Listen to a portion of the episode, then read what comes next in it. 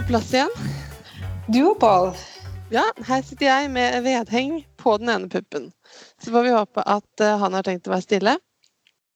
Eh, hvis ikke, så kanskje vi må spille inn i flere omganger. Ja. ja. Og der sitter du på uten, uten uh, vedheng, men med strikketøy. Det har ikke jeg. Jeg klarer ikke å amme og podde og strikke. Altså, jeg har et strikketøy her, men vi får se, da. OK, jeg tar det fram. Du, du, kan sitte og klemme litt på det, sånn uh, stressballaktig, hvis det blir uh... Jeg bruker på det som stressball for tiden. Men det skal vi snakke mer om i denne episoden. fordi det er jo bare en episode siden nå, eller to eller noe, hvor vi sa at vi må passe oss så det ikke blir så mye babyprat. Ja. Nå som vi begge to er liksom på babykjøret. Ja. Um, fordi du fikk jo en baby for et år siden. Ja. Og så fikk jeg en baby for tre uker siden. når vi sitter her og spiller inn. Og så skal du ha en baby igjen eh, i februar, eller noe Ja. sånt. ja. Så det, det går slag i slag. Det, blir, det, er, det går mye bleier her om dagen. Sist da vi sa det på poden, så fikk vi øyeblikkelig tilbakemelding fra en lytter som skal få lov til å forbli anonym, som sa ja, det er litt for mye babyprat i poden akkurat nå. Og da tenkte vi at vi bare lager en hel episode med babyprat, og det er denne. Men altså, bare, vi, skal ikke bare, vi skal ikke snakke om bleier, liksom. Nei Eller det kan hende. Jeg skal, tenkte jeg skulle snakke litt om tøybleier. Men eh, vi skal snakke om baby og strikking. Ja. Men det er en uh, trigger warning nå i begynnelsen av denne episoden. Hvis du hater barn Nei da.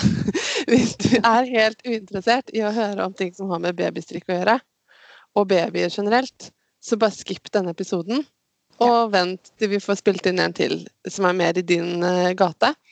Men hvis eh, du har strikket, eller noen gang tenker at du kan komme til å skulle strikke til en baby noen gang, så kan det hende at du finner noe interessant også i denne episoden. Ja.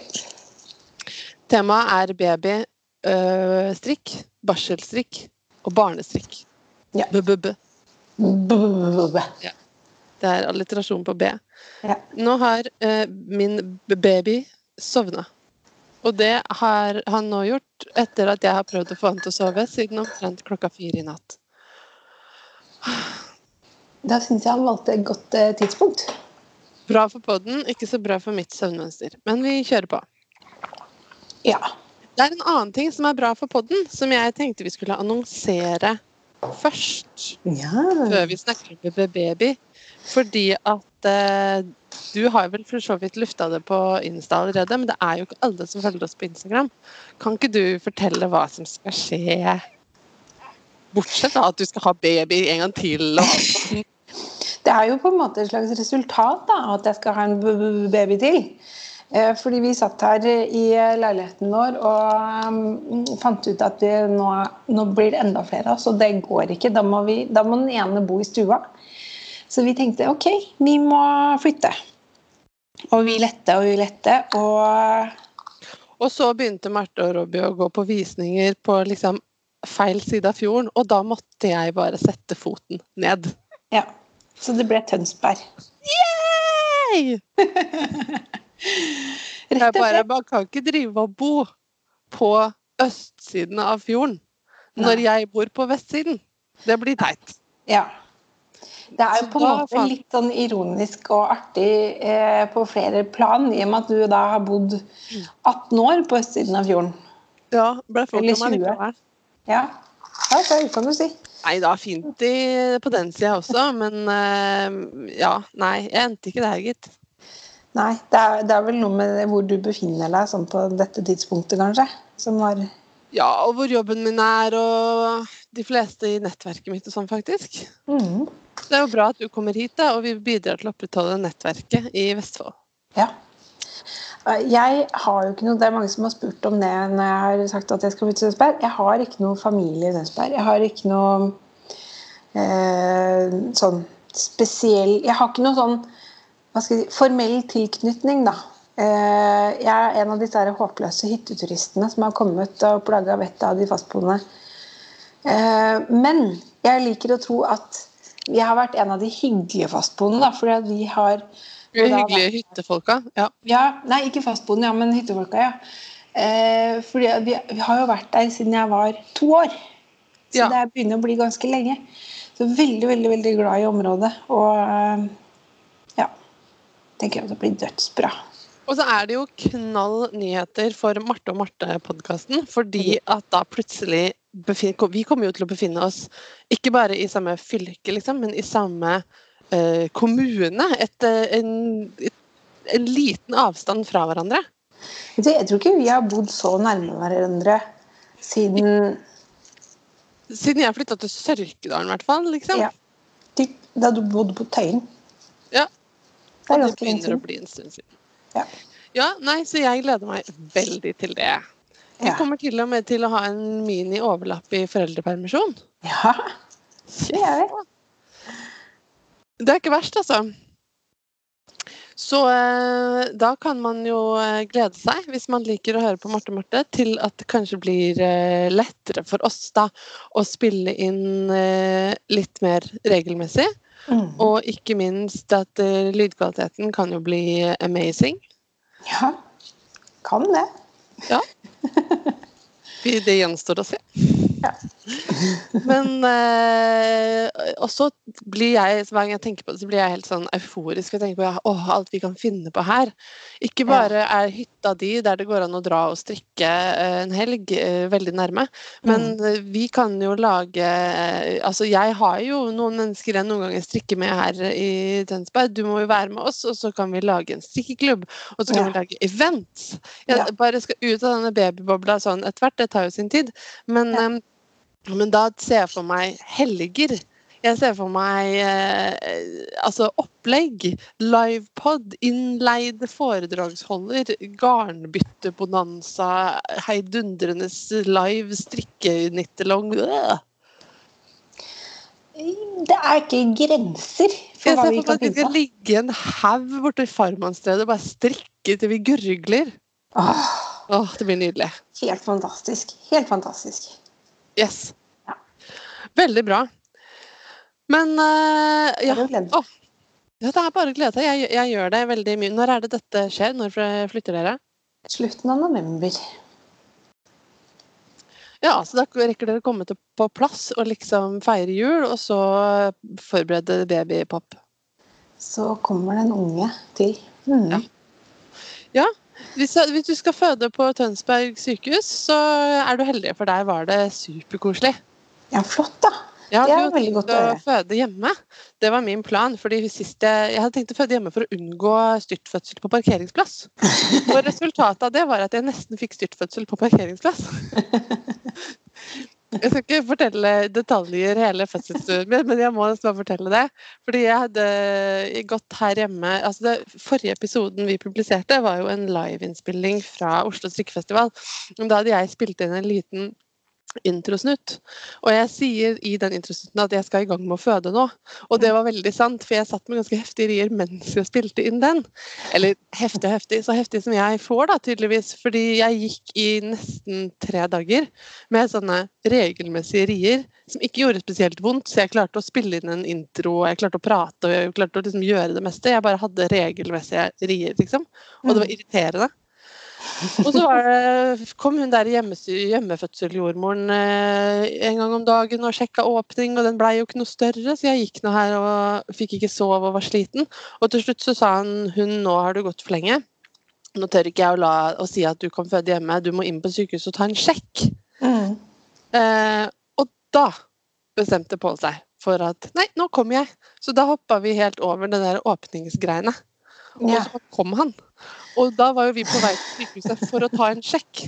Det var bare det at fra vi da vrengte inn på parkeringsplassen til han lå ferdig eh, uttrykket i mine armer, så tok det 30 minutter. Så eh, volumet i bilen på veien var rimelig høyt, da. Jeg bare Nå kommer han! Men på Tønsberg sykehus var de dritkule og kjempehyggelige folk, så jeg kjente etterpå at bare Nei, dette var jo en flott opplevelse Ja. likevel. Og så er det eh, en av fødselslegene der er bestekompisen til svogeren min. Ja. Så jeg tenker at eh, hvis det blir for ille, så bare roper jeg på en Henning, og så blir det sikkert bra. Men det var veldig fint der. Og sånn der rolig og dempa belysning, og de har badekar på føderommene og alt sånt som jeg liker. Så kiden kom ut. Han heter Paul. Ja. Han er fin når han uh, ikke har vondt i magen. Han er fin da òg, men uh... Det er rart men da, at man syns de er fine uansett. ja, man syns det. Mm. Men uh, over til uh, temaet. Ja. Myten om den herlige barseltiden, Marte. Hvordan syns du det var å være i barsel? Du, Marte, det var en sammensatt opplevelse. Ja, det Ja, jeg, synes, jeg, jeg ble liksom, i begynnelsen helt slått i bakken av disse hormonene og For å si det på sånn godt oslosk, da, hvor fucka i huet jeg ble. Ja, jeg veit det. Man blir jeg, helt fucka. Ja. Og man er griner og man ler, og det er helt eh, Ja. Men eh, jeg hørte på Stikkontakt, som er Påls yndlingspodkast. Han sover best til stikkontakt, så hei til dere, Stikkontakt. Eh, eh, Vi har sovet, so, sovet slumret oss gjennom en del episoder. Han sover litt mer enn meg, da. Men eh, Eh, hun eh, Josefin i Stikkontakt har akkurat fått et barn også. Og hun si, sa i den siste episoden som kom ut nå nettopp, at hvis eh, en til person sier 'nyt babytiden' til henne, så vil hun bare slå vedkommende på kjeften. eh, og det er liksom alltid 'Å, nyt barseltiden'. Og det er litt sånn Altså, det gjør vondt. Det gjør veldig vondt å nettopp ha født et barn. Det gjør vondt overalt. Det gjør vondt i tissen, liksom. Jeg må bare si det, for det er ingen som sier hvor vondt i tissen det gjør hele tiden. Det gjør veldig vondt i tissen. Ja, og i puppene og overalt, liksom. Og man sover typ aldri. Amming er jo ikke enkelt helt i begynnelsen. Det er jo vanskelig både for baby og alle involverte. Og strikketiden er null. Så nyte Nei, jeg vet ikke helt, altså. Overleve ja. Og så var det Jeg hadde en samtale med Unnskyld. En annen Også en lytter eh, på Instagram som eh, har eh, eh, Hva heter det? Handelen. Tesilstrikk. Og hun sa at eh, når folk sier til henne at hun skal nyte barselukene, så pleier hun å si at barseluker nytes best i retrospekt etter en god natts søvn med en stor kopp kaffe. Ja. Og det er så sykt sant! For det er sånn, I ettertid så er barseltid sånn Å, de er så små, det er så fint. Men når det pågår, så er det altså litt av en kamp. Altså, jeg må si Jeg tror altså, De første tre månedene, det var bare sånn Til slutt så skjønte jeg at ok, dette her, det er eh, i stor grad enten fravær eller overdosehormoner som gjør at jeg bare ikke er meg selv. Og det er en helt det var første barn og alt dette her, så det var bare en helt absurd situasjon. fordi Men det er helt sprøtt at kroppen kan gå gjennom det den har gått gjennom. At man lager et annet menneske. At det er en helt sånn ut av seg sjæl-opplevelse, er jo ikke noe rart i det hele tatt. Men jeg ble, jeg ble liksom allikevel, selv om jeg på rasjonelt sett forsto det, så, så syns jeg det var fryktelig vanskelig liksom, der og da å bare forstå det med følelseslivet. da. Og så til jeg fram, liksom plutselig kom på at ok, jeg kunne si til meg selv at ja, men det her det er bare hormoner. Det er bare hormoner. Det, det, det går over, eller det endrer seg. Mm. Eller det endrer seg i hvert fall, da. Ja. Enten det blir verre eller bedre, eller hva det blir, så blir det i hvert fall annerledes. Og det, det hjalp meg litt, da. Jeg syns det blir lettere etter Ja. hvert. Altså at det er vanskeligst på første barnet. At på første barn så klarer man ikke helt liksom, å tro på sin rasjonelle hjerne som sier dette kommer ikke til å vare for alltid. Så man blir, så mye, man blir litt mer fortvila. Ja. Jeg tenker at nå er det liksom tredje gang jeg har baby, andre gang jeg hormonelt er fucka i huet. Um, og da er det også lettere å huske at på en måte det endrer seg fortere enn man tror, da. Ja, og så er det da at eh, uansett hvor mye du leser eller snakker om det på forhånd, eller eh, hvor mye du klarer å liksom forberede deg, så klarer du aldri å forberede deg på selve opplevelsen. Du må jo bare oppleve det. Men Men jeg vil du- si liksom et sted mellom tre og seks måneder så begynte det å komme seg. Fordi Fredrik han gråt innmari mye måned to-tre cirka. Og sov veldig lite, og det var bare skikkelig slitsomt og utfordrende. Og så på et eller annet tidspunkt så, så, så endra det seg jo. For det gjør du hele tiden. Og da følte jeg etter hvert at jeg mestra det litt bedre. At jeg ble, da hadde jeg blitt litt mer kjent med han. Og, Og så begynner kroppen å komme litt på plass. ja, Det tar jo også lengre tid enn man tror. ja. Så da begynte det egentlig å bli altså sånn på, mot Ja. Nå hadde jeg lang permisjon, da. Men det vil si etter seks måneder Mm. Sikkert litt før det også, men i hvert fall etter seks måneder. Da begynte jeg å kose meg. Da begynte jeg å synes at dette er skikkelig ålreit.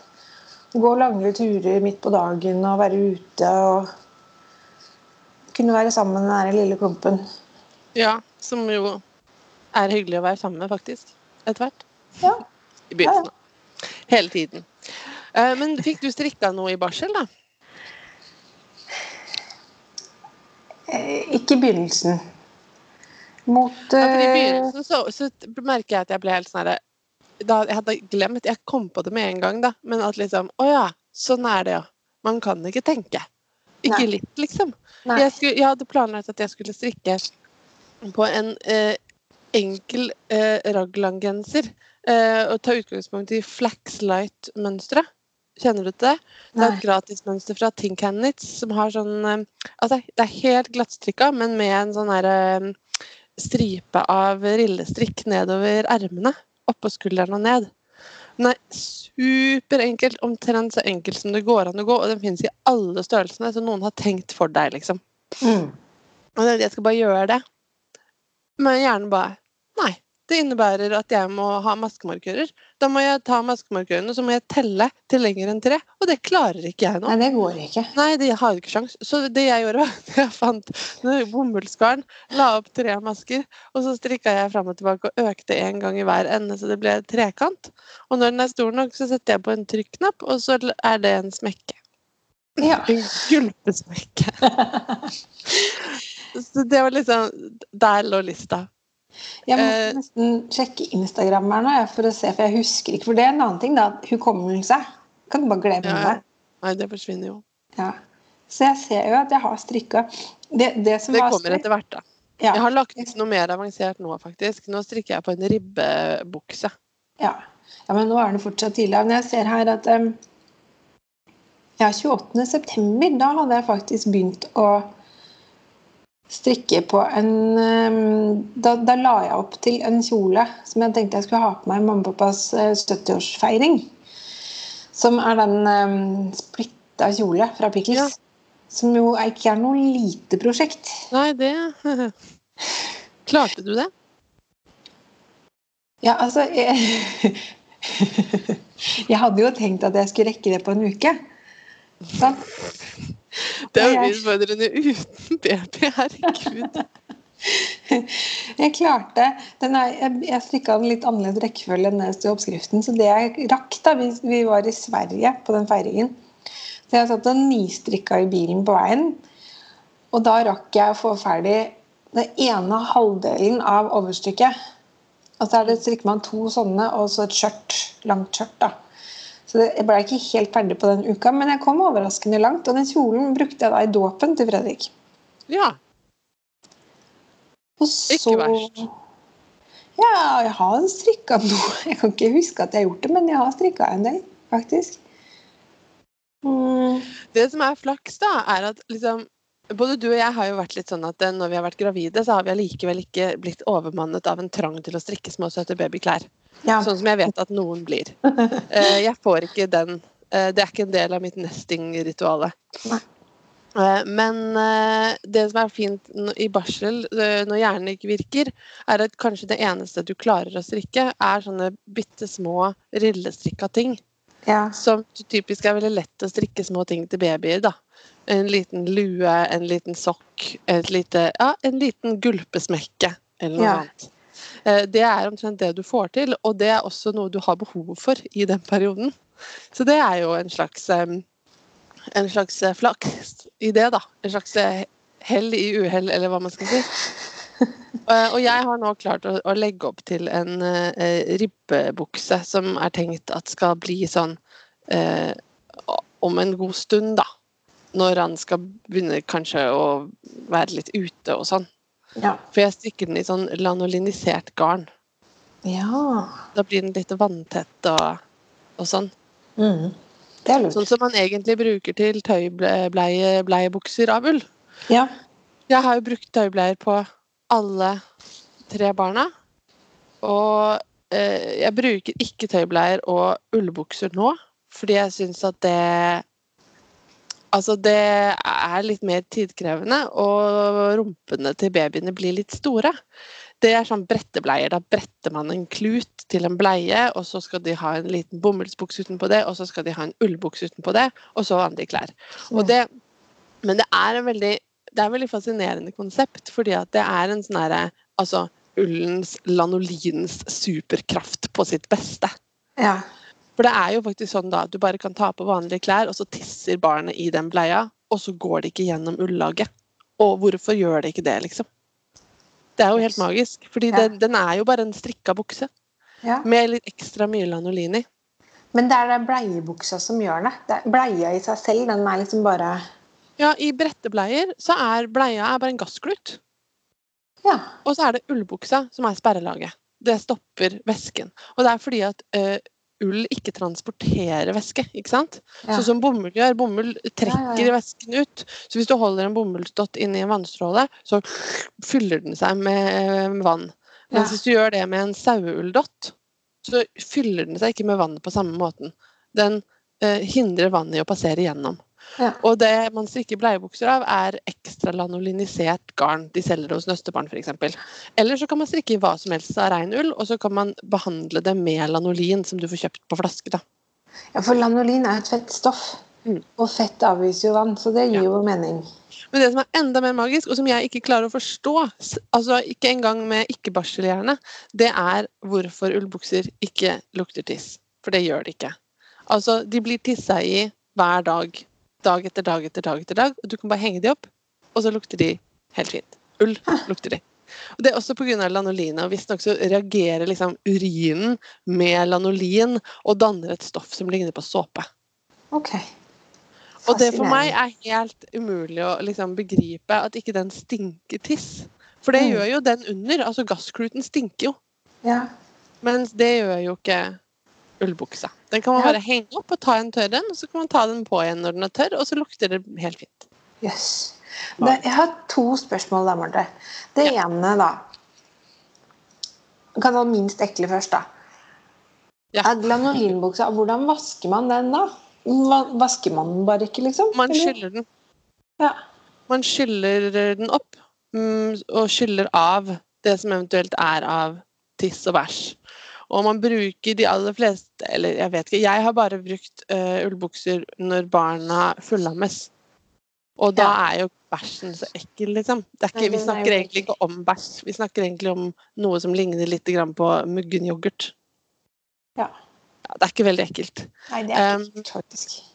Og så en gang iblant så vasker man den eh, så, så på en måte relanoliniserer man den. Man legger den i en bøtte med kokvarmt vann og lanolin og lar den bli kald, sånn at lanolinet setter seg i ulla. Okay. Sånn at du på en måte frisker opp lanolinet. Du vasker Ja. den ikke eh, på ordentlig med såpe, liksom. Nei. Um, Jeg tror på det, for jeg tenker at lanolin det er jo, har jo antibakterielle egenskaper. For det, jeg brukte jo en sånn lanolinsalve på puppene fordi at Ja. jeg slet så veldig med ammingen. Og da er jo den der lanolinsalven veldig bra, fordi at du, den blir som sånn leppepomade som er skikkelig tjukk og feit. Som ikke Som på en måte da Jeg har en liten tube her Ja, ved min side. legger Purulan. Purulan. Og det lukter så godt, vet du. Det lukter jo litt sånn sauete. Men som legger lokk på såret, eller liksom på den såre huden. Og så ikke slipper til noen ekle bakterier eller noen ting. Ja. Lanolin er helt fantastisk. Ja. Og så er det noen for stakkarer som er allergiske. pupper og for tissende rumper og alt mulig. Ja. Det andre spørsmålet mitt da, Marte. Ja. Nå skjønner jeg at det kanskje ikke er så ekkelt allikevel som jeg tenkte. Men hva i, tøy, i tøybleier? Nå er det babypod der. Vi har advart folk Ja, ja, ja. Det er bare å slå av hvis du ikke vil. Ja. Hva gjør man da med bæsjen liksom, i tøybleiene? Fordi den der gassgreia den man, vasker man vel og bruker på nytt? Nå, eh, Pål har ikke hatt på seg brettebleier og ullbukse, men jeg bruker bare tøybleier på han nå. Og det har jeg gjort på Ivar og Tomine hele bleieperioden, altså også etter at de slutter å spise pupp og begynner å spise brødskiver. Og det som kommer ut, er deretter. Ja. Det er sånn at når etter at de begynner å bæsje ordentlig bæsj, så Ja. har man et rispapir i tøybleia. Okay. Og det rispapiret kan du liksom plukke ut med bæsjen oppi og skylle ned i do. Okay. Og så kan du vaske bleia på 60 grader. Og det kan hende at det er litt rester av ting i tøybleia. Men, men det, men det, det blir borte i vask. Og jeg pleier å, er Eller jeg pleier egentlig alltid å sette på forvask. Sånn Ja. at det skylles opp først, Ja. og så vaskes og, og skylles og sentrifugeres. For det liksom, jeg lærte om det på barneskolen da vi hadde heimkunnskap. At man kan bruke forvask og vanlig vask. Og så har jeg bare ikke skjønt hvorfor i verden skal man bruke forvask. Til jeg fikk barnehagegutt. Ja. ja. Så det var det jeg gjorde nå med disse posene. Jeg bare Da kan man slenge litt mer vaskepulver i den nå hvis det er veldig veldig skittent. Ja. Det har jo sitt eget kammer. ja. Ja, nei, så Jeg har- syns det har vært veldig lite problem med tøybleier. Altså, Jeg elsker tøybleier. Jeg syns det er så deilig å slippe å kaste alle de bleiene. Men jeg vet om veldig mange som syns tøybleier er pes, og som ikke har orka, og som har prøvd og feila. Uh, og da tenker jeg da funka ikke det for dem. Men det har alltid funka veldig fint for meg. Ja. Men jeg, eh, på Ivar drev jeg og bretta og hadde ullbukser. Uh, og litt Nei, ikke egentlig på Tomine. Greia er at begge de to ungene som jeg har født, de blir så lange og tynne, sånn som jeg er. ja. Og da blir den der bleierumpa så stor at de blir liggende med huet nedover bakken. når de ligger flatt. Ivar var ikke det et problem, for han var liksom en liten tjukkas. Ja. Um, men eh, ja, nei, så vi kjører faktisk bare sånne formsydde bleier som du, som du knapper på med knapper eller borrelåser, liksom. ja, ok. Og så tar jeg hele greia og vasker. Ja. Det eh, er jo ikke egentlig strikkerelevant, men eh, vi kan snakke litt om andre ting man strikker til babyer. Fordi hvis man ikke strikker bleiebukser og, og smekker og, og luer bare, men vil strikke liksom klær, Ja. Hvordan strikker man til babyer? Jeg vet at vi har vært inne på det før for en evighet siden her i podden, dette med at babykropper har helt sånn sinnssyke proporsjoner. Mm. For det var det som fikk deg til å begynne å strikke etter oppskrift, var det ikke det? Jo, fordi at det, liksom, hvis man ikke har en baby fra før, ikke kjenner noen babyer, og ikke liksom har tilgang på babyer, så Mm. er det liksom umulig å se for seg hvordan en baby ser ut. De har veldig store hoder i forhold til kroppen, korte armer, Ja. og liksom, hvor lang er en babytorso? Og når er den hvor lang? Hvor langt skal det være fra beinhullet i bodyen til armhullet? Altså, det er jo helt umulig å vite. Ja. Og det som Jeg har jo eh, Det har vi snakket så vidt om at um, jeg har aldri vært særlig barneklærvennlig i det hele tatt. Jeg var ikke det da jeg var gravid, og jeg strikket heller også nesten ingenting til eh, Fredrik i barseltiden. Eh, veldig, veldig lite. Fordi det jeg strikket, det passet jo bare overhodet ikke. Var for trange armer og for kort eller for langt eller et eller annet. Fordi at Og det trange armer, eksempel, det kan være deal-breaker. Du kan ikke bruke Ja. plagget, fordi du, den der lille armen veiver jo hele tiden. De har jo null kroppskontroll. Skal du prøve å få på denne trange hylster utenpå. Det, altså, det er nok til at man bare hiver det plagget i veggen. Ja, han derre pluggen som jeg hadde, altså det, var ikke, det, var ikke snakk om, det var bare ikke mulig å få det på fysisk. Nei. Så det jeg Jeg har ja, jeg har lært meg til noen triks nå. Og så er det Har det, Strikketriks eller kle på-triks? strikketriks. Ja. Og kle på-triks for så vidt også, men hovedsakelig strikketriks. trik, stri, Striks. stri, sånne ting. Sånne ting. Ja. Eh, og det er at, i hvert fall med min gutt, da, som er en kraftig gutt Han er ikke så tjukk, men han er, liksom, han er stor, da. Mm. Det er å strikke ting selvfølgelig litt stort. Og så heller videre enn for langt, liksom. Mm. Men Og det er jo sånne individuelle forskjeller. ikke sant? Fordi sånn var det med Ivar. Jeg har en jakke jeg strikka til Ivar. Og den passet, liksom, Han brukte den kjempemasse. Eh, kunne ikke bruke den på Tomine i det hele tatt, fordi den var altfor brei og kort. Ja. Altså, hun var mye lenger, og, og veldig smal i forhold til Ivar, som var en plugg. Så han fylte på en måte den jakka ut, mens på henne så var det liksom bare en sånn rar eh, Et overkast, liksom. Ja. ja. Ja. Ja. Nei, så, men det å følge oppskrifter kan jo være én vei til målet, for da har noen på en måte tenkt for deg. Eh, men nå ligger ikke det helt for meg. Så jeg tenkte jeg skulle eh, eh, altså stille spørsmålet altså Kan man egentlig ekornstrikke til babyer? ja. Det er Eh, litt nå. Og, og jeg har gjort det nå. Ja. Det kan hende at uh, det har blitt enklere for meg ved at jeg strikker da til barn nummer tre. Sånn, altså Ikke at man husker hvordan en baby ser ut, for det gjør man ikke. Og særlig ikke sånn hvor stor er en baby når den er tre måneder. Altså Har ikke peiling, vet bare hvor stor min baby er akkurat nå. ja. Um, og Det er så, vanskelig. men det man har når man har hatt barn før, det er at man har klær som de barna hadde på seg. ja. Og da kan man jo ettkornstrikke med de klærne som utgangspunkt. Ja, Så som en slags mal. kan, ja, så man kan si sånn Nå så er den like lang som den, og den passer jo. Mm. Så da passer sikkert denne også. Nettopp. Man kan også gjøre sånne ting som mm, dette garnet er omtrent like tjukt som dette garnet. Hvis jeg teller hvor mange masker det er rundt kroppen i denne bodyen jeg strikka, så kan jeg kanskje eh, legge opp like mange masker, f.eks. Ja. Eller så kan man gjøre sånn som man pleier, og bare legge opp og teste litt. ja, for det er måte det som har funka best for meg, er rett og slett bare prøve plaggene på. For jeg har strikka noen ting som i teorien skal være fleksibelt nok og i riktig størrelse.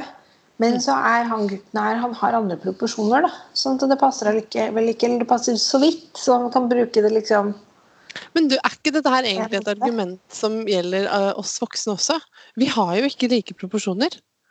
Det er derfor jeg ikke syns at mønsteret funker fordi, Eller det er vel bare fordi at jeg ikke går nøye nok til verks. Men jeg bare tenker at liksom Jeg er jo mye lenger enn deg i Ja. overkroppen, f.eks. Eller Men du kan si at med babyer da, så har du så mye mindre marginer. Ja, Sånn én centimeter kan utgjøre ganske stor forskjell. Det er sant. Uh, mens på voksne så er det lettere kanskje å få ting til å passe. For Nå Ja, sitter og så jeg- er det jeg sitter og- Det er noe med proporsjonene til voksne som er på en måte konstant også. Vi har liksom armer som er litt lengre enn ned til hoftene. Ja. Mens babyer har de der korte, stutte, små armene. Så hvis Ja. man begynner å strikke liksom lange armer på ting man strikker til babyer, så blir det veldig teit. Ja, ellers må man kunne brette opp. hvert fall. Altså, lange mansjetter er jo lurt. da, Sånn at du kan brette opp uten at det ser kjempeteit eller at det sitter veldig gærent. Men nå holder jeg på med en eh, selebukse til Fredrik, f.eks. Jeg syns han bare ser dødslang ut. Det kan jo godt hende at han er så lang at jeg ikke Men jeg tviler på om de beina er breie nok, for han har litt sånn lubne bein. Mm. Men jeg må bare prøve, da. Du kan blokke de ut litt. Ja. Og så sitter jeg og ser på størrelsene i oppskriften. Og så tenker jeg at eh, det, det er liksom én centimeter eller to masker forskjell eh, fra størrelse til størrelse. Fra Mhm. to, nå strikker jeg størrelse to år, neste størrelse er størrelse tre til fire år. Og størrelse tre til fire skal i utgangspunktet være altfor stort, i og med at gutten er da en, ett år og et par måneder. Men um, nå har ikke jeg sjekka strikkefastheten min, da. Så kan det hende at den ikke er helt sånn som den skal være. Men um, ja. Det er jo på en måte det positive med strikking. At det er jo superfleksibelt. Mm. Nå strikker, strikker jeg litt ribb, og så kan jeg Ja, og ribb, altså. Ribb på barn, fordi da kan den jo strekkes ut eller være sammentrukket eller hva som helst. Ja. Jeg er også veldig fan av sånne mønstre som opererer med centimeter istedenfor sånn 32 rader. Skjønner du? Ja. Fordi at eh, jeg strikker eh, vel kanskje oftere i et annet garn enn det som står i oppskriften. Enn en det motsatte. Så da er det ikke alltid at eh, en rad er en rad, holdt jeg på å si. Eller er det like lang som den er i oppskriften, da. Og så er det lettere å tilpasse til din unge, da. Når Ja. du setter centimeter, For en rad kan jo være ja, Du kan regne om da fra strikkefastheten i oppskriften.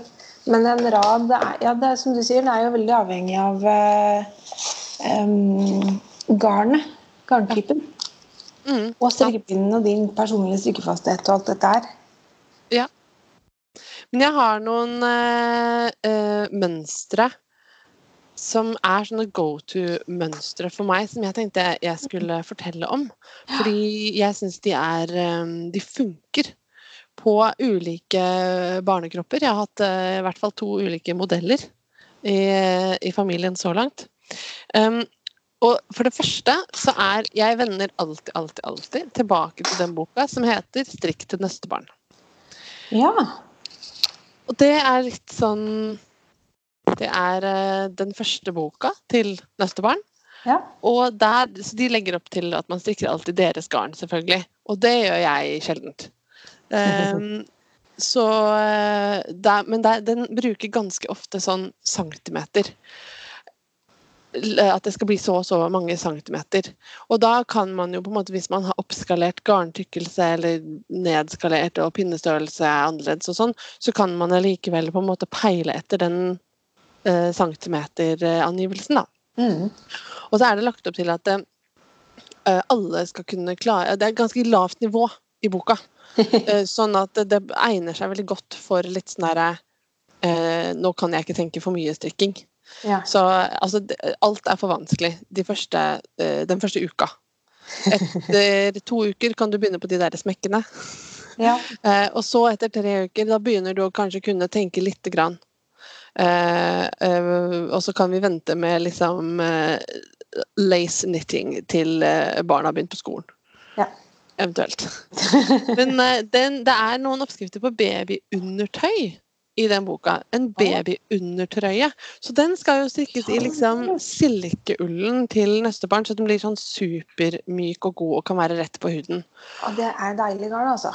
Veldig deilig garn og en veldig, veldig enkel oppskrift. Og så kan man bare ta og strikke den i et annet tykkere garn, f.eks. Hillesvåg Ask, som jeg har gjort. Ja. Og da er det ikke en undertrøye lenger, men en vest som man kan ha utenpå en ullbody isteden. Ja. Og det kan jo være vel så nyttig, syns jeg. Min sånn go to outfit på Paul nå om dagen er liksom ullbody og uh, tights og sokker. Ja. Og en sånn vest utapå. Ja. Jeg skulle holdt han opp og vist han til deg, for det er det han har på seg nå, men han sover. Og da er, da er det bare å sitte helt stille. Ja. Men han er veldig fin i Grello uh, Hillesvåg-vest. Oh. Stilig. Ja.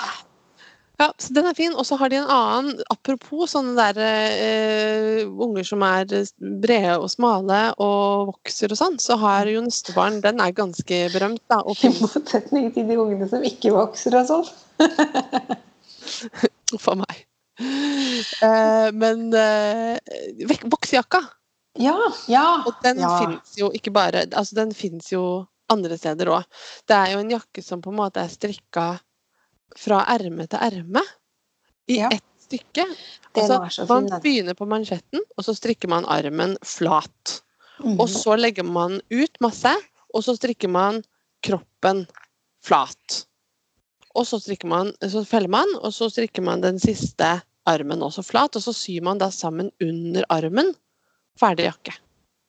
Altså Ja. under, under hver ja, arm. Ja.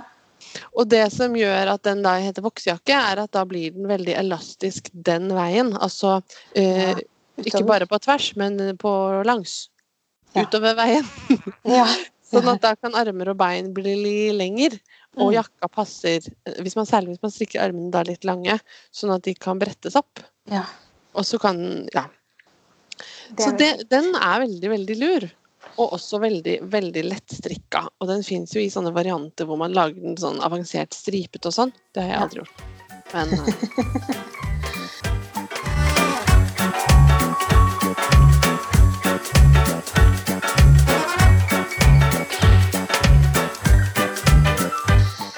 Jeg har jo, altså, som jeg nevnte i sted, alltid vært eh, veldig imot barnestrikk. Fordi at jeg ikke har fått det til. Jeg har ikke syntes det har vært noe gøy. Jeg syns det bare har vært bortkasta tid. Og det skjønner jeg kanskje til og med kan være litt provoserende for noen. For det er jo ikke bortkasta tid å strikke varme, fine klær til barna dine. Men jeg syns det har vært det, da. Og, og så, det som har snudd for meg nå, det er jo dette prosjektet jeg har i år med 2019 brukeroppskriften. mhm. Fordi barneklær krever jo sånne små snutter av garn, liksom. De krever så veldig lite garn. Og så er det bare noe så utrolig tilfredsstillende i å få en helt plagg ut av en liten rest. Som ble liksom Sånn skal det plagget faktisk være. Mm. Og da, da, da har jeg liksom klart å lage flere ting. Og så syns jeg det er kjempegodt. Så går det litt sport da, i å prøve å få brukt opp. Så det er skitten, rett og slett. Rett og slett. Ja. ja. Så nå har jeg liksom Det begynte med at jeg strikka en hals fra den store guttestrikkeboka. Som jeg fant på salg i Tønsberg. For det er i Tønsberg ting skjer, folkens. Ja, ja, ja. Av restegarden jeg hadde. Som jeg synes ble dødsfin. Med tre forskjellige farger i striper og sånn. Eh, og det var kanskje farger jeg ikke ville ha satt sammen, men det var de restene jeg hadde. Og så gikk det unna på 0, niks. En liten hals, og Fredrik brukte den masse. Og da var han varm. Og så tenkte jeg bare Yes! Og akkurat sånne plagg, altså halser og sånne ting, herregud, det er jo forbruksvare når man går i barnehage, det har du sikkert oppdaga. De forsvinner jo ut like fort som man klarer å lage dem. Jeg fikk Eh. en i større størrelse. Den mista vi dagen etterpå. Å, kjedelig. Det vil si, jeg tror at den falt ut av vogna på vei til barnehagen den morgenen. Fordi at eh, den som trilla vogna, som da ikke var meg, ikke følge med på hva som detter ut av vogna. Ikke Åh. sur for det. Nei. Nei, eh, kan man jo forstå for så vidt. Ja. Jeg har ett mønstertips til, da. ja. Og det er The Garter Ear Flap Hat by Pearl Soho. Det er Oh. et gratismønster. Ligger på Ravelry. Ja. Og den har sånn Altså, det er veldig mange babyluer. Altså, hjelmlua er jo en klassiker. Den sitter fint på hodet og er veldig søt og pen. Og så er det sånne kyseluer og sånn.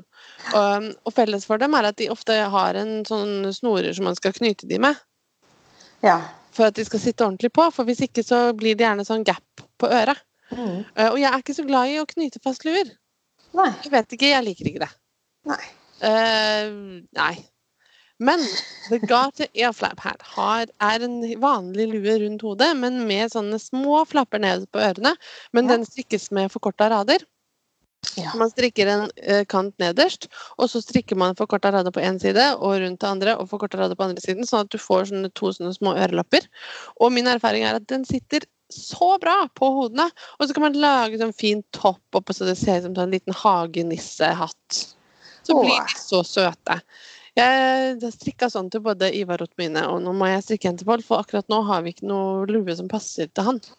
Nei. Eh, For det, nå har jeg luer som er for store, og luer som er for små.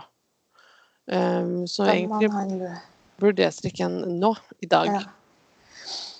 Så da tenkte jeg at jeg skulle legge opp til en Garter airflap Hat. Skal vi se om jeg sjekker nå med en gang hva slags garn er- Det skal være Aaron, ikke sant? Tjukt garn. Mm. Som F. Pinnestørrelse 4,5 og 5. Ja. Det burde bære lue på en kveld, altså. Kanskje til og med med ammehjerne. ja, det tror jeg faktisk. Bra. Ja. Fordi for meg så starta det med at jeg strikka en eh, Ja, det var den halsen, og så strikka jeg en Letty Ett-genser fra Pickles. Som er i den Pickles enda en strikkebok. Som er gammel Det er jo ikke noen nye greier. Jeg fikk boka i julegave i 2013, så den er jo noen år gammel nå. Men den syns jeg alltid var så veldig fin. Og det er en sånn eh, rillestrikka genser med en sånn V-hals hvor V-en måtte overlappe hverandre akkurat i halsen. Ja! Og Det har jeg akkurat strikka på den Grello-vesten jeg snakker om. Den ligger i fanget mitt akkurat nå på ungen. Der har jeg gjort sånn Det er ikke oppskriften, den babyundertrøyeoppskriften som jeg brukte som inspirasjon, for jeg har vel ikke gjort noe særlig annet enn å se på bildet. Eh, Men der har jeg strikka sånn at jeg, jeg strikka rundt og rundt nedenfra. Ja. Og så har jeg delt når jeg kom til der hvor armene skulle begynne. Mhm. Og så har jeg strikka forstykke og bakstykke hver for seg. Og på forstykket så har jeg da delt den midt på for at den skal gå over det gigantiske, svære huet som babyer har.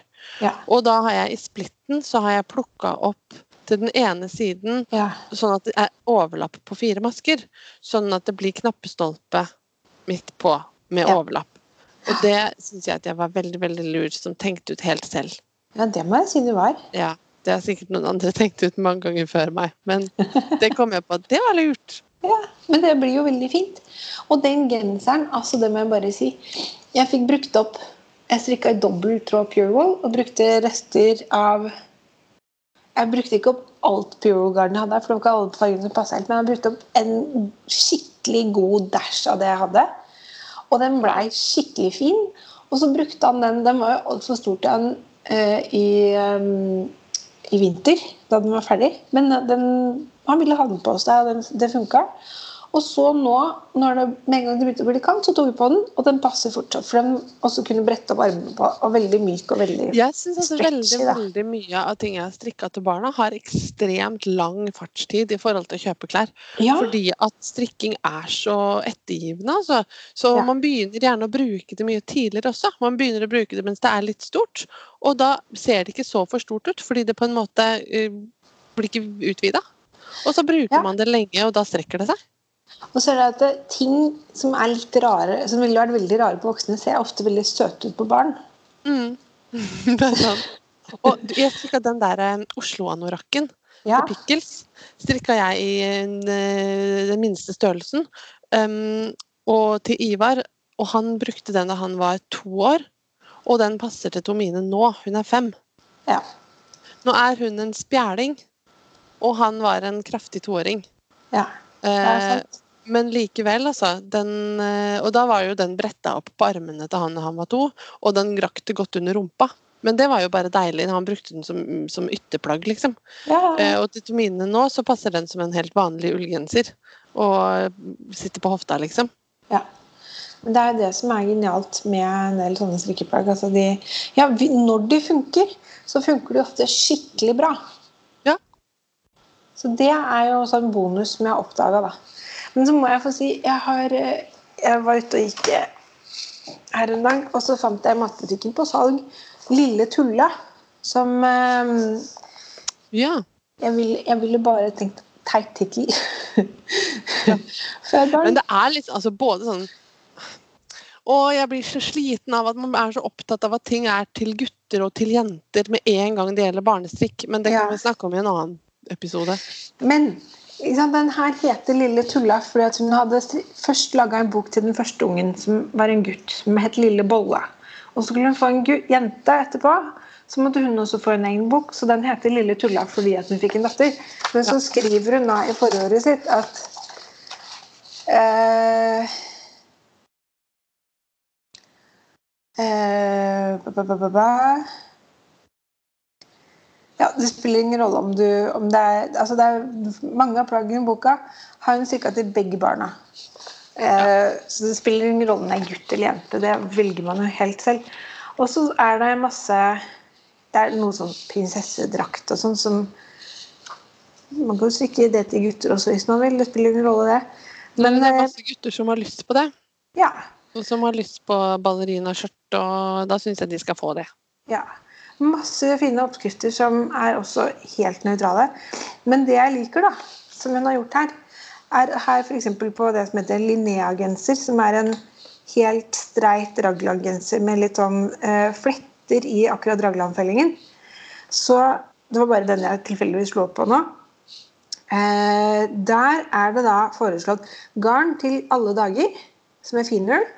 Og så er det garn til kalde dager, som er Mm. tjukkere garn. Og så er det strikkefasthet. Og så skriver hun da at det, eh, med Apropos det du sa i sted da, om den eh, nøstebarn undertrøya som du strikka i tjukkere garn.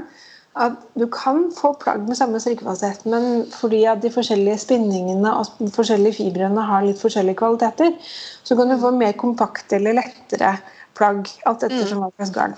Så det syns jeg er litt kult. da, at og så har hun da på bildene vist hvordan disse blir um, med de forskjellige uh, typene. Sånn at her neste Felix-genser. Garn til kalde dager eller garn til varme barn. Det syns jeg er bra, for jeg har en veldig varm unge. Ja, det har jeg en av òg. Ja. og da ser du veldig forskjellen på en måte at den ene genseren er en sånn staut, sånn nesten sånn fiskegenser, islenderaktig. Litt sånn robust genser. Mens den andre er en sånn tynnere som draperer seg litt mer. Du ser at den er mykere, liksom. Kult. Det er veldig gøy. Det er noe bra i en strikkebok, syns jeg. Og her har jeg da eh, Det var den siste høydalen jeg var oppe på. Eh, fordi at Fredrik kom hjem fra barnehagen og hadde veldig veldig kalde hender. Så bare stakkars gutten, han må jo ha votter. Ja.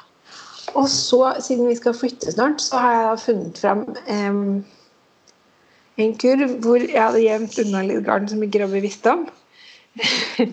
som han nå oppdaga, og som jeg måtte rydde i. Og så hadde jeg da eh, et halvstrikka prosjekt oppi der.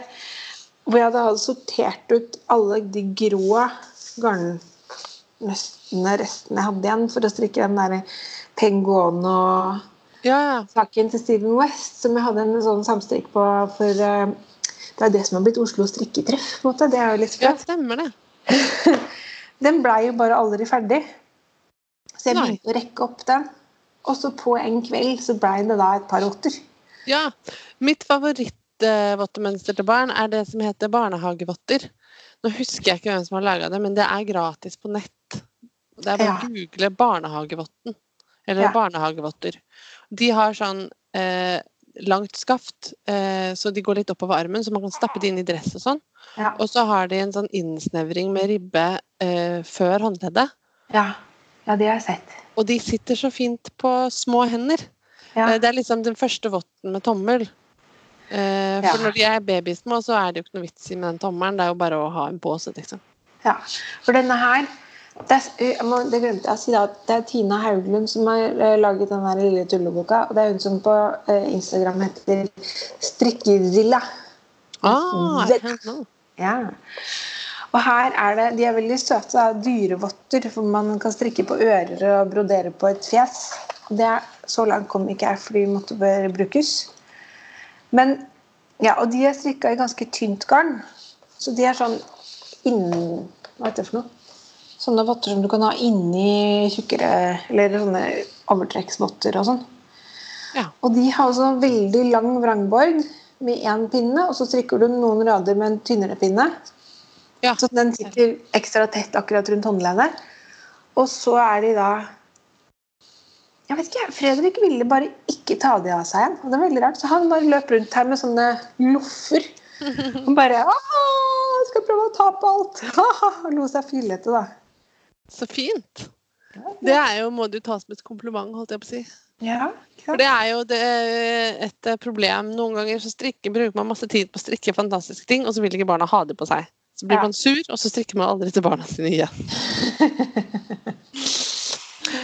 Eh, Jeg har jo oppdaget før, som jeg har sagt i podden, at eh, nei, det går visst ikke an å herde barn ved å bare ta på de ull. De blir ikke glad i å gå i ull av det. Ok, da. Eh, Hva er svaret? Eh, Svaret er vel å eh, Eller for det første at barn er ulikt varme. Mm. Som du sa, du er en, en varm fyr. Jeg, Ivar er også en varm fyr som veldig sjelden trenger å ha på seg ull um, for å holde varmen. Helst vil han gå i T-skjorte og shorts hele året. Em, ja, vi snakker med skolen fortløpende om det. og så har jeg to andre barn som er glad i ull. De har fått uh, en baby nå som uh, liker best å Eller han roer seg mest hvis han liksom har på seg masse klær og ligger under pledd og er i bæresjal og er inntil og masse kroppsvarme, og jeg er helt sånn derre Gud, jeg koker ungen. Men han bare ah, Så det er helt topp. Ja. En ullunge, med andre ord. Eh, men eh, jeg har jo liksom forska litt før da, på å finne ut hva kan jeg strikke i som ikke klør, da. For det er jo sånn at ull klør. Og Laila Værbit eh, ble sitert nå fra Tromsø strikkefestival. Hun har sagt at det er ikke ulla som klør, det er dere som er overbeskytta og sensitive. Eller sånn. Det var det er bra. Eh, jeg er helt enig, men eh, allikevel så tror jeg at eh, måten å få mine barn til å ville gå med ting jeg strikker på, er å være litt eh, snedig i garnverget. Og det vet jeg at det er for mange, og veldig mange ender med superwash. Og det er vi jo ikke noe glad i. Superwash er jo noe dritt. Det er jo plastbehandla garn. Eh, og så har jeg da oppdaga at garnsurr, som er et veldig, veldig fint eh, hva skal vi si, prosjekt, eh, en garnprodusent, hvor eh, eh, kvinner fra ulike steder i verden får mulighet til å eh, lage seg et levebrød når de kommer som flyktninger til Norge, ved å bli garnprodusenter. Og de har en ny base. Jeg kjøpte fire hesper for å teste hva dette var for noe i, på Oslo strikkefestival. Og den basen heter Økomerino. Ja. Og den skal være altså, tilsvarende Superwash i det at du kan vaske i maskin og, og sånn. Ikke bare liksom Altså, all ull kan jo vaskes i maskin på ullprogram. Ja. Men uh, denne her skal tåle liksom, litt røffere behandling, da. Um, men den er ikke Superwash-behandla. Så jeg bare OK, dette høres for godt ut til å være sant. Så jeg har googla og forska og prøvd å finne ut hva det er den er behandla med da. Den er nemlig behandlet med noe som heter Naturetex plasma. Oh. Naturetex med to x-er. Og jeg bare Det her høres eh, veldig merkelig ut. Hva er Naturetex plasma? Og jeg har lest og lest på nett, og jeg er ikke helt sikker på at jeg skjønner hva Naturetex plasma er. Men jeg skal prøve å forklare det, hva jeg har skjønt. For det første eh, altså all, all, produksjon og alle prosesser man gjør med ting, er jo på en måte belastende på miljøet på en eller annen måte. Men med Naturetex plasma så er det visstnok eh, altså elektrisitetsbruk som er belastningen. Altså at man bruker elektrisitet på denne behandlingen. Og det kan man jo på en måte gjøre mer og mindre bærekraftig med altså ut fra hva slags eh, måte elektrisiteten er produsert på. Mm. Og de er opptatt av, de som produserer eh, ull med denne prosessen, å bruke fornybar energi. Eh, solenergi, eh, vind, vann. Ja, ikke sant? Så det høres jo bra ut.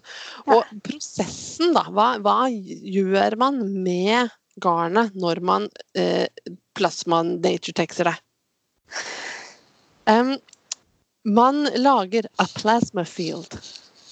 Science fiction. Ja. Eh, eh, og det, det, handler, det er noe sånn som at eh, så På nettsiden så står det A plasma field is generated by discharging a voltage between two electrodes in a special machine. OK, to elektroder, elektrisitet. Og da lager man et plasma field. Og plasma, så vidt jeg har forstått det, altså plasma er jo sånn som i plasma-TV-skjermer og sånn. Har også ordet plasma i seg. Plasma er visstnok noe man kan gjøre med materie som er i gassform. Det har med elektroner og ioner å gjøre, og som man på en måte um, Altså, plasma er et, et annet state of matter. Uh, og det som skjer Ja, hva er det som skjer egentlig? Det er at fiberne blir gjennomhullet på en måte og inngår sånne ioneforbindelser på en måte, som gjør at det ikke felter seg. Altså ikke tover seg. Det er jo det man vil unngå. Ja. Men akkurat hvordan og hvorfor, det klarte jeg ikke helt å forstå. Mm, Men det er noe med at små, små, små, små nanoskala hull i overflaten på fibre gjør at friksjonen endres, da. ja. Og dette gjøres med ulla før den spinnes til garn. Og så står det på nettsiden deres at på en måte eh, resultatet er et garn som for det første ikke tover seg, og for det andre absorberer væske eh, istedenfor som ull, som vi snakka om i stad, melanolin, Ja. som repellerer væske. Og det rimer veldig med følelsen av det garnet fra garnsur. Fordi når jeg strikker med det, så kjenner jeg at jeg tenker dette kjennes ut som bomull Ja. Det får en veldig mye mer sånn bomullsaktig følelse. Ja. Det er mykt på en sånn måte som bomull er. Ikke den blanke bomullsmåten å være myk på, men den matte. Sånn Ja. som Pickles sin økologiske bomull. ja. Hvis du skjønner hva jeg mener. Ja. Så eh, så vidt jeg kunne lese Nå har jo jeg bare lest Nature Tex Plasma sine egne nettsider, eh, og de sier jo bare at det er kjempebra. Men eh, den er godt sertifisert. Og GOTS, det står for eh, Hva står det for? ja. General Eh, det har jeg um, aldri skjønt, men det er jo en sånn økologibetegnelse som visstnok skal være ganske vanskelig å oppnå. Ja. Eller krevende. Global. Organic Textile Standard. Ja. Det er en standard for tekstiler eh, når det gjelder produksjon, da, som er vanskelig å oppnå. Så det betyr at den er ikke belaster miljøet mer enn grensen som er satt for det som er godt sertifisert, som er ganske krevende. Ja. Det var Da- en lang rant om eh, noe som skal erstatte Superwash. Da må jeg arrestere deg bitte lite grann, Marte. Ja. Fordi i morges så hørte jeg på den første episoden av en ny podkast som heter Tråd. Ja, som det er, om. eh, ja, det er jo da hun som på Instagram heter Warren Values. Eh, som har en sånn konto hvor hun er veldig opptatt av eh, å reparere og, og gjenbruk osv. Veldig morsom å følge. Og så er det selveste sjefen sjøl fra Oslo Strikkfestival, Tone Ja. som eh, eh, har satt seg som mål å formidle via intervjuer da, hvordan det er på innsiden av den norske eh, fiberbransjen, kan man kanskje si. Mm. Første episoden er med Tone Skårdal Tobiasson. Veldig interessant. Jeg anbefaler alle til å gå inn og høre. Fordi Tonen Tone hun er et sånn vandrende leksikon av fiberkunnskap. Eh, både mm, i Norge og internasjonalt.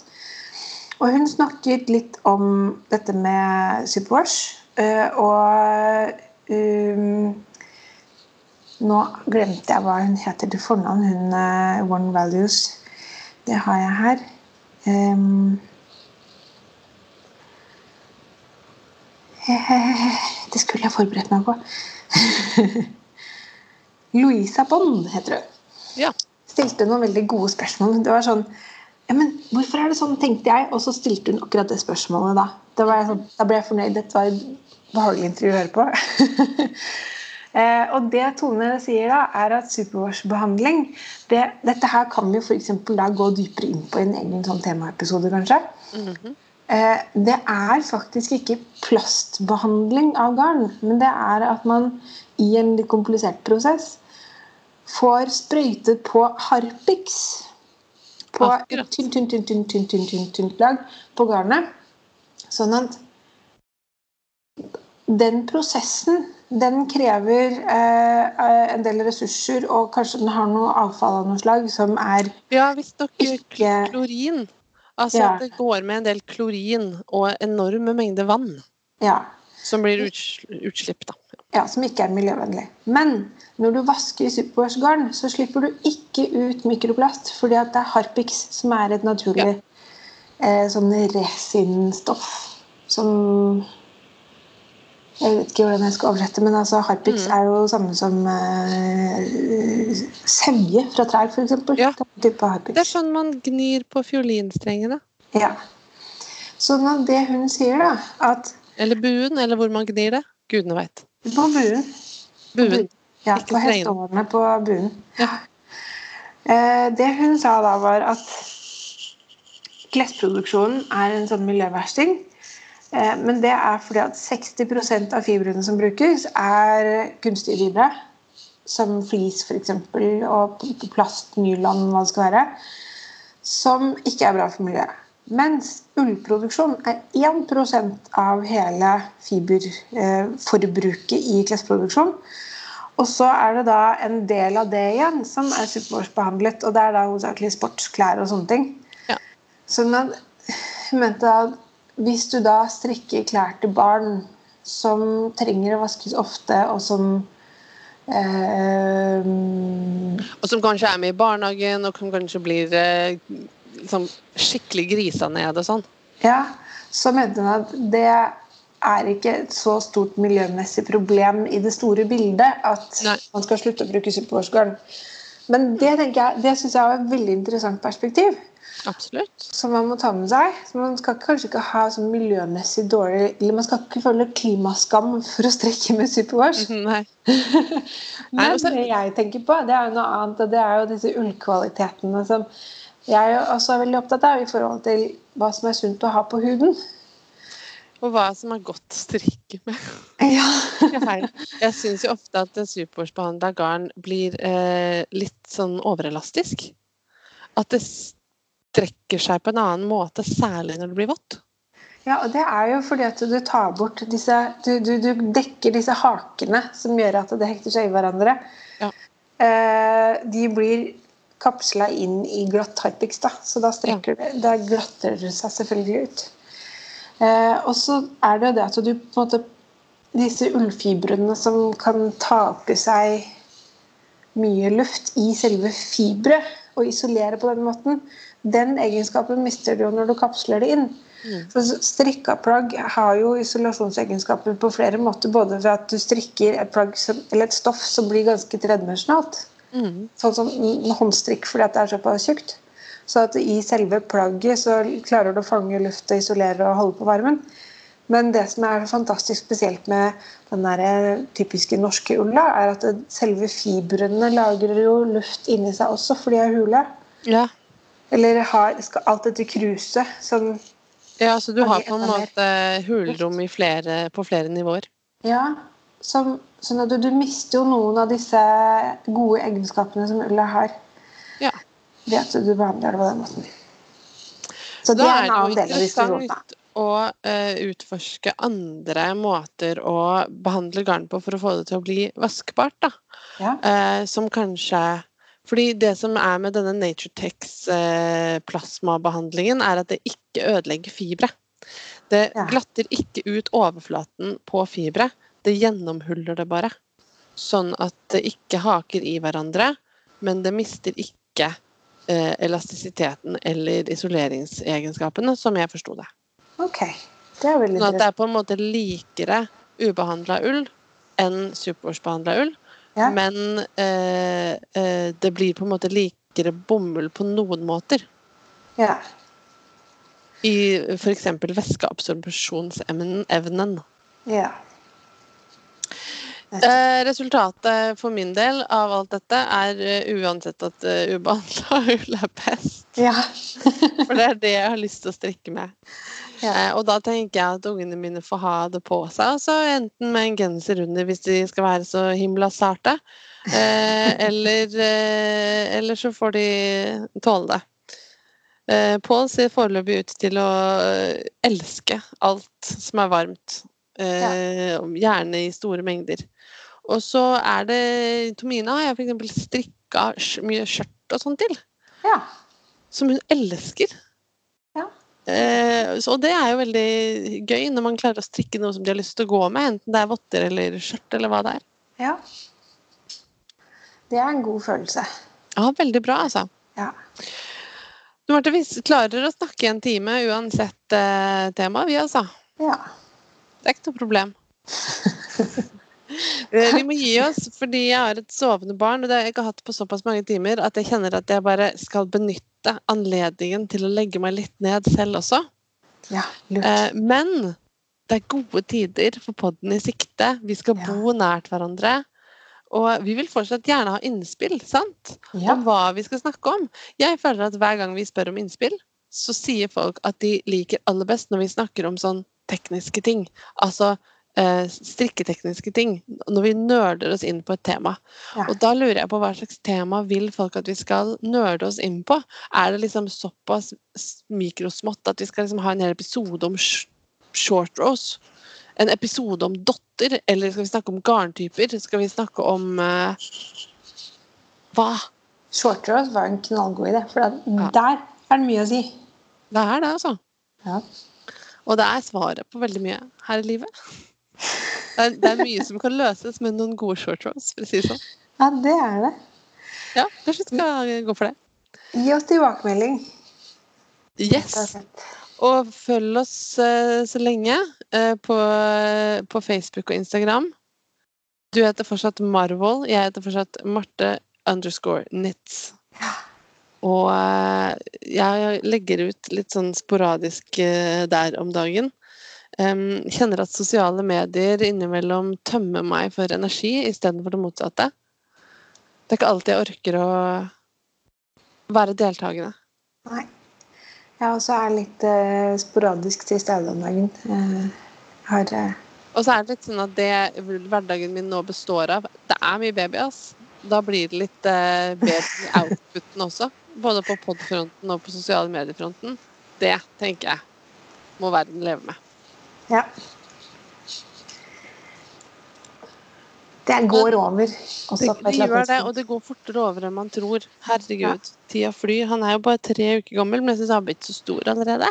Ja, men de, nei, det er helt sprøtt. De vokser jo så fælt. Ja, de gjør det. Og det der babyteppet som jeg har snakka om på poden før, som jeg strikka, det er helt genialt, altså. Er det det, ja? Ja, Vi pakker oss inn i det, begge to, hele tiden. Det er helt fantastisk. Så bra. Mm. Kult. Kult. Men Marte, da kommer vi sterkere tilbake. Eller sterkere, vi kommer tilbake. Ja, vi er jo relativt sterke da, føler jeg. Vi, har jo, vi kommer jo med episoden nå. Ja. Det er ikke, det er ikke verst, bare det. Nei. Jeg syns det er veldig sprekt å være. Jeg satt bare og gurgla i senga mi eh, etter tre uker. Jeg var ikke Men jeg har to unger fra før. Jeg får ikke lov til å sitte og gurgle. ikke sant? Det er noe med Nei. Du blir bare røska ut av det, og så er det noen som er sånn Men vi skal jo spille eh, eh, stigespill. Å ja, skal vi det? OK. Eh, så må du, da må du det, liksom. Ja. Eh, og så er det sånn Du må se på at jeg turner på klassestativet. OK, det har jeg skikkelig lyst til. Jeg har sydd 40-40 sting i underlivet, men jeg skal alltids klare å vakle ut for å se på at du turner på klatrestativet. Ikke noe problem. Mammaer, altså. Herligheten. Ja, det- bare- En siste ting om min fødehistorie, da, helt på tampen. Eh, når jeg hadde født, eh, så eh, lå jeg og slappa av litt etterpå. Og så skulle jeg hjem. Og de bare Ja, nei, det er litt fullt på barsel nå, men vi kan legge deg en seng på gangen. Jeg bare Det blir ikke nødvendig, for nå drar jeg hjem. eh, og da var det to timer siden jeg hadde født, og vi stabla meg på beina, og det To timer etterpå. ja, vent litt, da, vi er ikke ferdige ennå. Og jeg bare Jeg tror ikke jeg klarer å gå hele veien ned. Kunne vi lånt en rullestol? Ja, ja, det var ikke noe problem. Så triller Anne baby, og så fikk de en annen dame til å trille meg og bort i heisen. Vi kom helt til heisen, da svimer jeg av Uff a meg. i heisen. Og kom til meg sjøl igjen, og, og noen bare Marte, Marte, dette var kanskje ikke sånn veldig lurt. Kanskje du skal bli her litt til? Jeg bare OK. Jeg huska ikke helt hvor jeg var, hvem jeg var, eller hvor det var jeg skulle bli litt til, men jeg var enig i at det var en skikkelig god idé. Så vi ble noen timer til. Oi, oi, oi, oi. Ja, Fikk ligge litt lenger på føderommet, rett og slett. Ja, så bra. Så det seks timer, så dro jeg. Jo, jo, jo. Jeg hadde Jeg altså, lå og slappa av en liten stund etterpå og var helt i tåka. Og så kom det en sånn en barnepleier som var Jeg vet ikke hvor hun var fra, men hun het noe sånn type Consuela eller noe. Mm. Og som bare plabla i vei. Og jeg fikk med meg kanskje en tredjedel av det. Og hun tok Fredrik ut av armene og vasket han og veide han og skulle sikkert gjøre masse sånne rutinegreier. Og så Marte, kan du tisse? Tviler jeg på, men jeg kan prøve. Da, gå og tisse nå. Gå og tisse. Og så bare OK, skal jeg Ja, Ja. fordi Man får ikke dra inn hvis man ikke kan tisse. Nei. Så gikk jeg på badet, og så kom hun etter meg. Kan du tisse?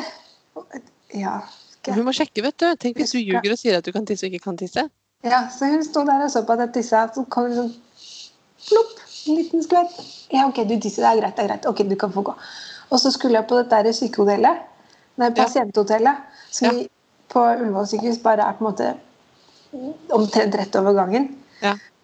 Og bare Nå tar du kona di og holder skikkelig godt. Skikkelig godt. Holder kona di. Holder kona di. For hun hadde tydeligvis vært med på en del damer Ja, som det er som, noen som eh, bakken. besvimte. Ja. Og jeg bare Det går helt fint! Det går helt Ja, fordi Grunnen til at jeg ville ha den rullestolen, i utgangspunktet var jo fordi at hver gang jeg prøvde å stå oppreist, så bare fikk jeg fullt av ull i ørene. Ja. Og alt bare snurra rundt. Men jeg tenker det var kanskje egentlig like greit at jeg svimte av i den heisen, fordi at da blei jeg litt lenger, og det var sikkert bra for meg. Ja. Fikk i meg noen brødskiver og sånn før jeg dro også. Så det var bra.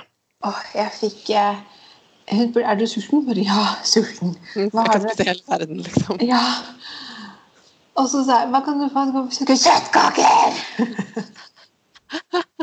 Det var typ det beste måltidet jeg noensinne har spist. Jeg spiste alle mine kjøttkaker, og alle Robby sine kjøttkaker også. Det var veldig bra. Åh, det var godt. Ja. Nei, de brødskivene Det var de beste brødskivene noensinne, liksom. Virkelig. Får man ikke kjøttkaker i Tønsberg? Jeg vet ikke. Det kan hende du må Du har jo kontakter. Ja, Kan hende du må få søren, altså, svoger, sviger, hva nå enn han var, til å lage noen kjøttkaker til deg. Ja. ja, men altså, det var sikkert sånn Fjordland-kjøttkaker eller et eller annet sånn, du vet, ferdig, ferdigmat. Men Nei, du altså, var vel heldig å fødte midt i middagen, da? eller noe? ja, kanskje. Jeg fødte klokka ett om natta. Jeg tror ikke det er noen kjøttkaker da. altså. Ja, det, det kan hende, nei. Fikk pølse med salami. Det Salami? Ja, og gulost. Nei, det var veldig godt. Det var helt nydelig. Og saft. Saft og Oh, Ja, saft er greit, men eh, ja, det, det her må jeg ta en prat med dem, altså. Ja, men du må ha med mat, da. Herregud. Man må jo ha med mat. Da må vi kjøpe med Fjordland, og så må de bare oppdrive en mikro et eller annet sted. Det går sikkert fint. Ja. Hvis ikke så kan jeg komme med, vet du. Marte! Jeg kommer med kjøttkaker. On that note så sier vi eh, ha det til lytterne som fikk være med på en ekstra bonus om kjøttkaker på slutten. Eh, altså, jeg tenker at det finnes nok mer eh, konsentrerte podkastere enn folk som har liksom født for tre uker siden.